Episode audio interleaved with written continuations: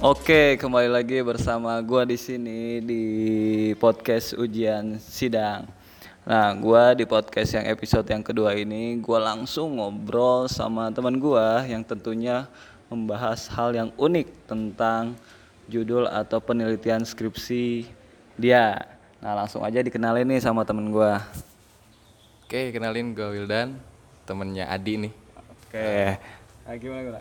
Tentang skripsi Adi ya? Nah, judulnya waktu itu ngambilnya LGBT dalam perspektif Pancasila. Lebih tepatnya tinjauan fenomena LGBT dalam nilai Pancasila. Mantap sekali ya, itu hal yang unik sekali yang dapat dikaji kali ini. Oke, sebelum ngebahas mengenai judul atau penelitian yang bakal kita diskusiin sekarang, biar teman-teman juga biar tahu gitu ya. Coba di, eh, dikenalin dulu apa sih kesibukan lu sekarang, lagi ngapain dan kayak gimana kehidupan lu sehari-hari. Coba ya, kenalin dulu. Oke, eh, udah dikenalin ya tadi namanya Wildan. Eh, kesibukan hari ini kuliah di UPI Pasar Sarjana, ambil PKN juga sama seperti S1. Terus ada pekerjaan juga sedikit pekerjaan di konsultan menggarap pekerjaan pembinaan pendampingan ekonomi di daerah pasca bencana ya, di daerah Sumedang. Ya, begitu aja sih hari-harinya. Oke, sebenarnya sibuk banget gitu ya, kuliah sambil kerja di mana? Di Konsultan ya. di Sumedang, di Sumedang bolak-balik Sumedang Bandung Sumedang Bandung. Kuliah kerja kuliah kerja. Oke langsung aja nih gue bakal ngebahas tentang uh, penelitian yang teman gue lakuin waktu dia S1 tentunya ya pas skripsi. Jadi sebenarnya ditegasin lagi nih apa sih judul lo yang lu angkat di penelitian lo pas skripsi itu Eh, judul sih secara formal yang gua garap waktu itu eh, judulnya tinjauan terhadap fenomena LGBT dalam perspektif nilai-nilai Pancasila. Awalnya sih LGBT dalam perspektif Pancasila, awal pengajuannya, meskipun diisengin sih sama senior. Tapi sebelum ke judul nih ya, lu kenapa bisa kepikiran uh, dapetin atau pengen ngebahas LGBT itu? Gimana sih? Lu ceritain coba gimana uh, bisa dapet LGBT itu? Awalnya sih gara-gara deadline, deadline pengajuan judul dari panitia pelaksana sem- seminar proposal ngasih deadline. Nah, gua kepikiran baru pas Hamin satu. Ada senior kebetulan main karena gua tinggal di sekretariat tuh. Awalnya sih ngerancang judul tentang organisasi dan politik, biasalah anak organisasi gitu kan. Tapi tiba-tiba senior ngisengin lagi ngapain nih katanya gitu. Lagi bikin judul skripsi. Ya udah ini aja nih LGBT dalam perspektif Pancasila. Tulis aja. Meskipun awalnya gue nggak terlalu paham ya tentang hal itu, malah gue tanya gitu kan, apa sih LGBT? Gitu. Tapi lu langsung ACC tuh langsung pengen ngebahas LGBT atau nolak sedikit nolak atau kayak gimana? Nolak sih enggak, cuman gue langsung tulis aja secara spontan gitu, ikutin aja, nambahin judul gitu kan, referensi soalnya disuruh ngajuinnya tiga gitu. Ya dan sialnya itu, yang tiga itu, yang di ACC cuma satu ya itu itu aja, nggak pernah direvisi, nggak pernah apa-apa sampai jadi skripsi pun revisi, revisi redaksi doang dari judul. Jadi dapet tuh judul yang itu.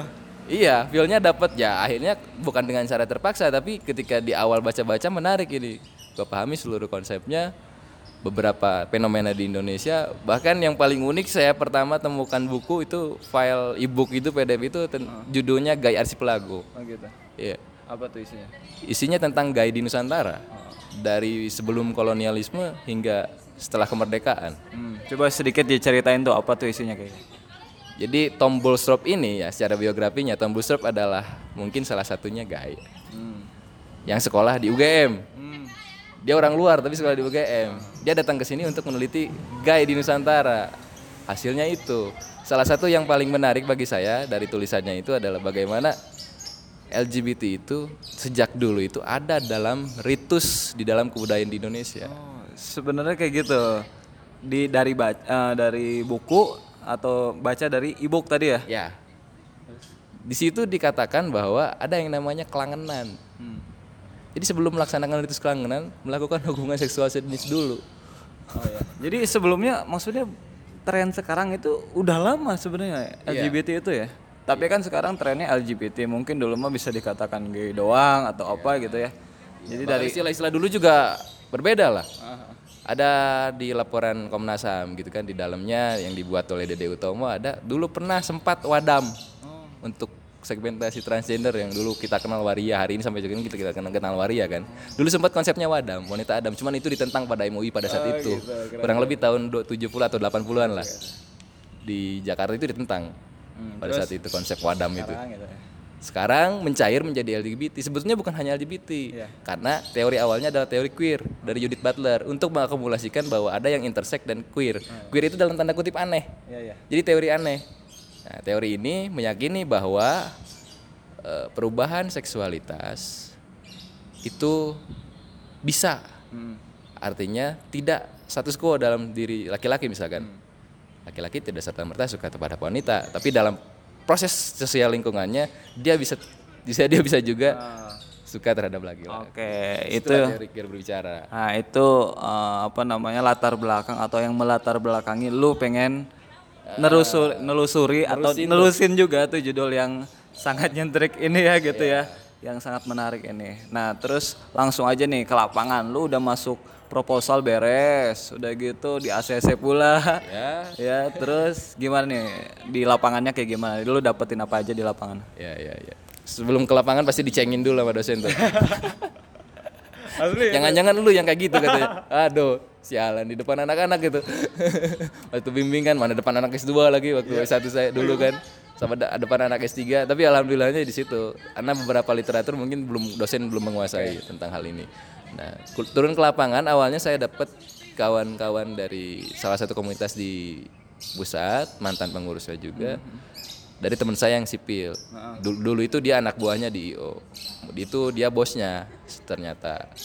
Dalam tanda kutip dia yang gayanya kan. Oh, gitu. Nah, nah, dari situ ngeling lagi tuh untuk yang lainnya dari sana.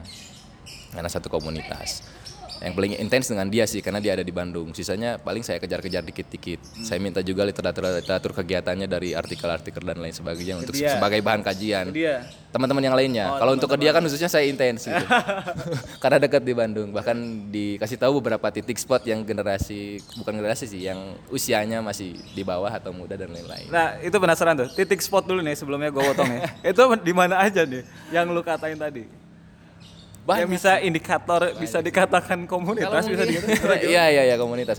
Kalau mungkin di Bandung sekitaran pusat kota lah Braga. Oh gitu. Kalau untuk yang sedikit milenial daerah Taman Musik, Teman musik. iya. Ya ente lah datang malam-malam ke sana sengaja. Pasti ya ada menemui hal-hal aneh. Tapi untuk hari ini ya baru kemarin juga saya main di kopi di kafe beberapa kafe. Dalam satu hari saya singgah di dua kafe tapi ya saya nemuin hal-hal yang kayak gitu, sih. Nah, pas di lapangan lu beneran ke lapangan gitu. Nemuin yang kayak gitu atau gimana? Observasinya kayak gimana atau gimana? Ya saya ya beneran sih. Saya main ke rumahnya, di rumahnya kan ada warung. di daerah bawah lah Antapani, Antapani kalau nggak salah lupa lagi kalau kalau nggak salah ya daerah Antapani saya main main ke warungnya biasa anak SMA banyak ngumpul dan lain-lain ngopi ngerokok terus juga dari di sesi wawancaranya juga saya berbincang-bincang di Braga Permai Oh iya. Ya saya sebutin aja ya Braga Permai ya karena di situ meskipun kosnya lumayan ya untuk makan di Braga Permai tapi hasilnya sih alhamdulillah karena dia juga terbiasa sebagai subjek penelitian Oke. dan jadi terbuka informasinya gitu Nah, pada penelitian lo pas di lapangan itu, gue pengen tahu nih hal yang menarik yang nggak bakal lu lupain dari hasil atau misalnya yang lu temui di lapangan itu apa? Pengen gue tahu tuh coba. Yang paling menarik adalah bagaimana mereka bisa terbuka. Satu catatan itu. Mungkin saya wawancara saya wawancara yang senior ya. Ini wawancara gitu. iya. Wawancara kalau mau rekamannya sih ada. Hampir tiga jam. Ngob- ngobrol-ngobrol ngalir. Karena kalau nggak kayak gitu nggak akan kegali informasinya gitu. Heeh. dalam lagi. Bentar, bentar. Tapi kan lu eh, itu kan eh, terbuka tadi ya. Ada beberapa orang yang tertutup juga, mungkin karena malu atau apa pun itu. Lalu kenapa bisa dapetin orang yang langsung terbuka dengan hal yang sensitif ini bisa dikatakan seperti itu? Nah kebetulan dia dia bilang saya orang yang ketiga untuk penelitian. Oh gitu. Berarti sebelumnya sudah ada Nama dari kampus-kampus sebelah. Enggak, nama Iyalah jelas. Oh, Dalam teknik kualitatif pasti narasumber disamarkan. Terus, terus, terus, eh, menarik apa lagi tuh? Yang menarik ketika saya tanya tentang kota mana, kota mana yang paling toleran karena ada di beberapa literatur gimmick seseorang pun dianggap diskriminasi. Bahasa tubuh seseorang pun dianggap sebagai diskriminasi, apalagi bullying dan lain sebagainya. Apalagi dalam mengakses kerja dan lain-lain. Saya saya tanya kata yang paling terakhir mungkin ini sedikit aja ya. Pertanyaan itu membuat saya pergi ke sana gitu. Ketika saya tanya kota mana dan setelah sidang dua bulan kemudian saya ke sana dan menemukan hal itu dengan lumrah gitu. Di daerah pusat kota sebet di daerah kawasan lah Itu bukan berarti menjudge ya, tapi memang hasil penelitian, hasil wawancara lu sama subjeknya langsung gitu ya. Iya. Dan itu pun hasil kerja dia di sana melaksanakan festival. Di mana dia tidak banyak diberikan pressure dari warga masyarakat, dipertanyakan tentang dan lain-lain lainnya gitu. Seperti yang dia ceritakan di Jakarta Hmm. sampai didatangin dalam ormas-ormas keagamaan yang mungkin apa ya ekstrim dalam tindakan menindak gitu. Oke, itu kan tadi dua hal yang lu bisa dikatakan menarik. Terus satu pertanyaan yang gua penasaran juga, hal konyol yang ketika lu dapet di lapangan itu apa? Soalnya kan ini judulnya agak gimana ya, menggelitik sekali gitu ya. Hal konyol adalah pas gua ngajak temen pas mau wawancara di Braga Purma ngajak temen pulangnya dia merinding-merinding temen gua nih. Kenapa tuh? Eh, takut takut kayak kena katanya. Gua bilang itu bukan penyakit santai aja bro gitu. Dan memang dalam studi kesehatan mental juga yang dimasukkan dalam literatur skrip saya itu bukan penyakit. Hmm, tapi? Sebetulnya lebih ke apa ya?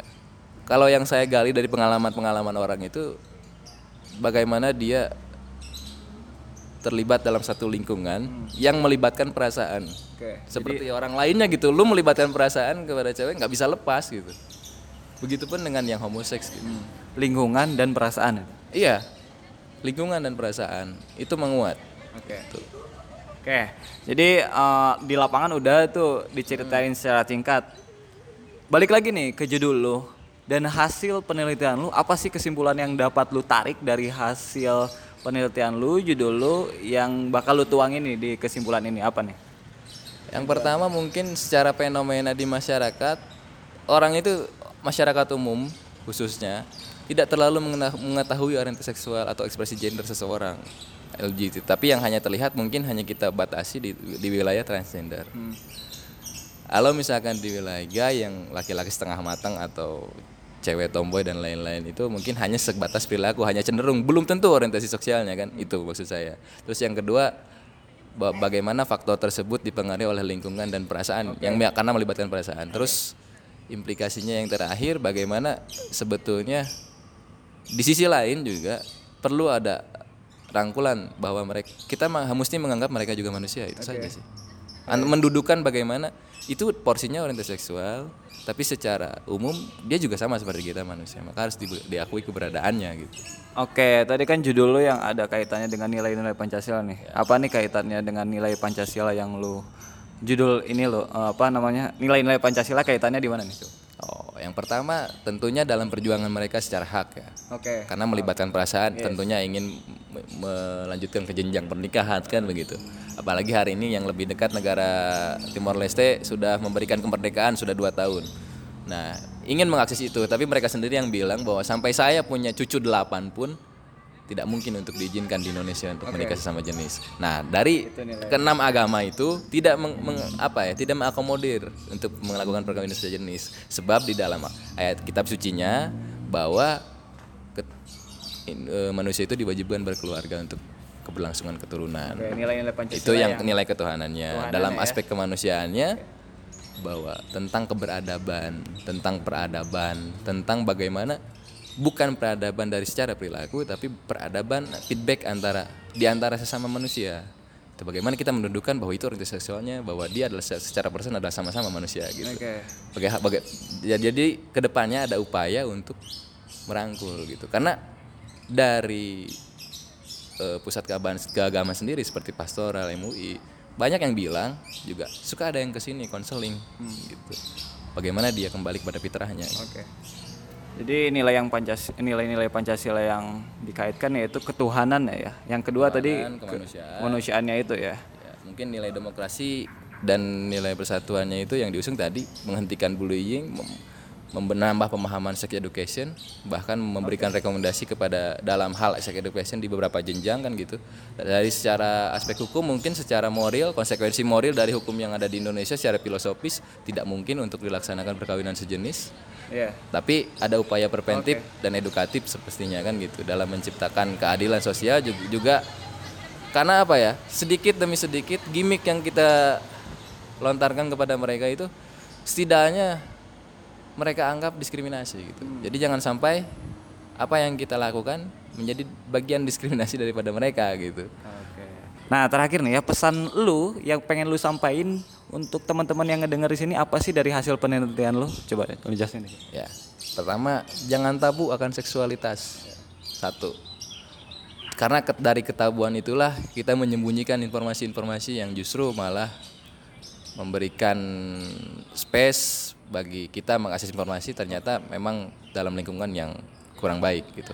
Kemudian di sisi lain juga mendudukkan antara orientasi seksual perilaku sehari-hari serta hakikat hakikat sebagai makhluk gitu. Bagaimana orientasi seksual ini tidak junto sebagai makhluk ma- karena kasih sayang antar sesama itu yang mesti dirawat gitu demi menciptakan keakraban warga negara tidak terjadinya konflik dan lain-lain di situ.